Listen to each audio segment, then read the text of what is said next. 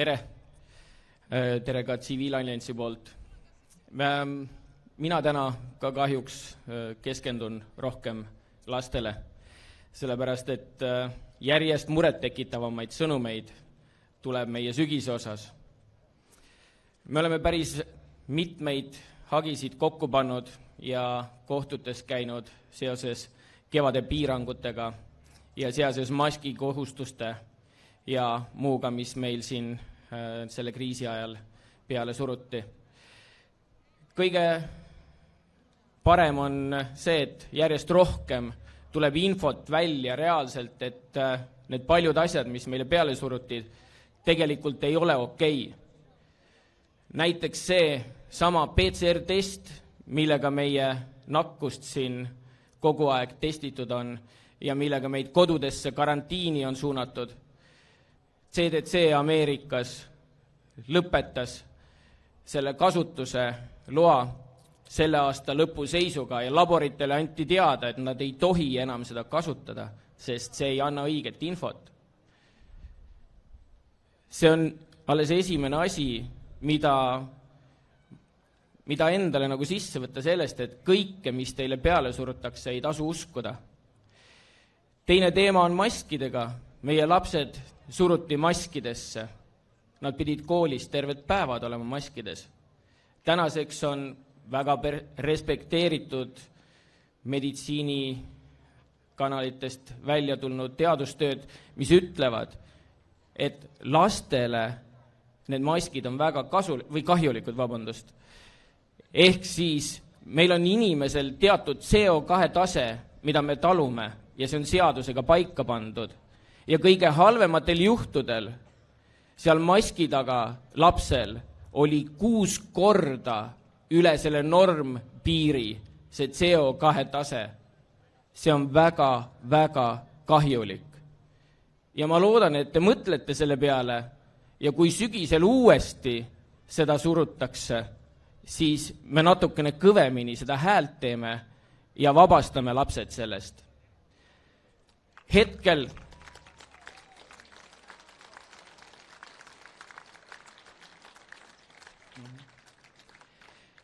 hetkel on tuure võtmas tohutu vaktsineerimise kampaania.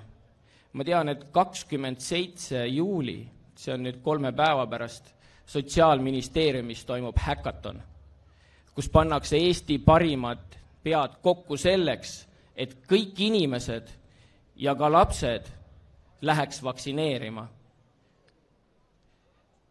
see kõik kampaania peaks teieni jõudma augusti teises pooles. nii et olge palun valmis selleks.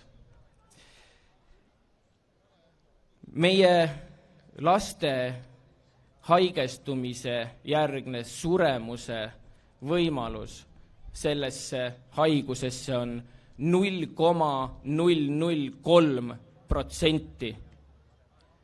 mõelge selle numbri peale, see on praktiliselt olematu risk lapsele fataalsete tagajärgedega. see on alla kahekümne aastastele. sealt edasi tõuseb vanusega null koma null üks ja null koma kolm ja jah seitsekümmend pluss, kui haigestuda, võimalus tõesti, et see lõpeb surmaga, on seal nelja ja viie protsendi vahel. ma saan aru, meil on riskigrupp ja nendega tuleb tegeleda ja neid kaitsta, aga tänaseks nad on ju kõik juba kaitstud. Nad on ju saanud oma vaktsiini. miks me siis laste kallale tahame minna, kus nemad ei saa kasu?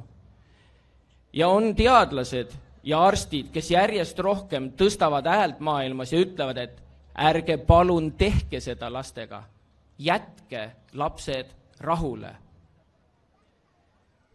ja ma loodan, et teie siit lähete ka ära sellesama sõnumiga. jätke lapsed vaktsiinidest eemale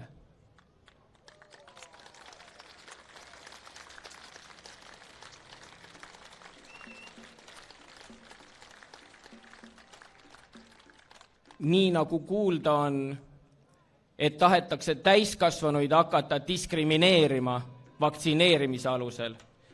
Ja seda on tehtud äh, juba siin meditsiini koha pealt, kus, kui sa vaktsineeritud ei ole, siis kolmkümmend üks kiirabitöötajat vallandati.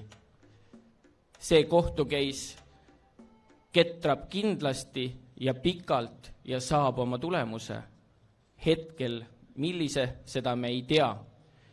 aga nii mõnigi vanem on saanud vist kirja oma koolilt, mida mina olen näinud nii vene keeles kui eesti keeles, kus on juba öeldud sügisest, kui kool algab, kui teie laps ei ole vaktsineeritud, siis ta jääb kaugõppesse ehk koju ja võib tulla kontaktõppesse ainult siis, kui ta on vaktsineeritud. see ei ole okei okay. meie põhiseadus ei luba mitte mingisugust diskrimineerimist. ei laste ega täiskasvanute. ja me seisame selle eest. ja me valmistume ja me läheme kohtuteed. ja me käime selle kohtu kuni lõpuni, nii kaugele kui vaja, et seista oma põhiseaduslike õiguste eest. ma tänan teid